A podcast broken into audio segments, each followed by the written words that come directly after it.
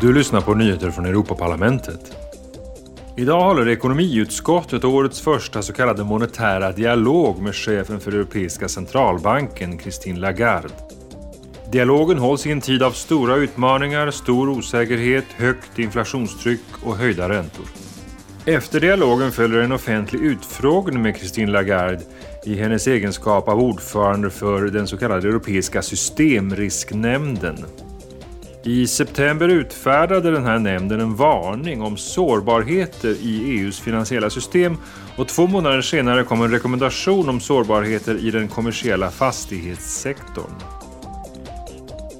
Imorgon håller också människorättsutskottet en offentlig utfrågning om den senaste utvecklingen för de mänskliga rättigheterna och rättsstaten i Algeriet.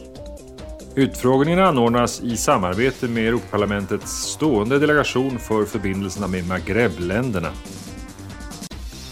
Även utvecklingsutskottet ordnar en offentlig utfrågning imorgon. Den handlar om hur hållbara och anställda arbetstillfällen ska skapas för Afrikas allt yngre befolkning. Unga mellan 15 och 24 år står för ungefär en tredjedel av Afrikas befolkning och det är därför som fler arbetstillfällen och drägliga arbetsvillkor är så viktiga för en hållbar utveckling i Afrika. Du har lyssnat på nyheter från Europaparlamentet.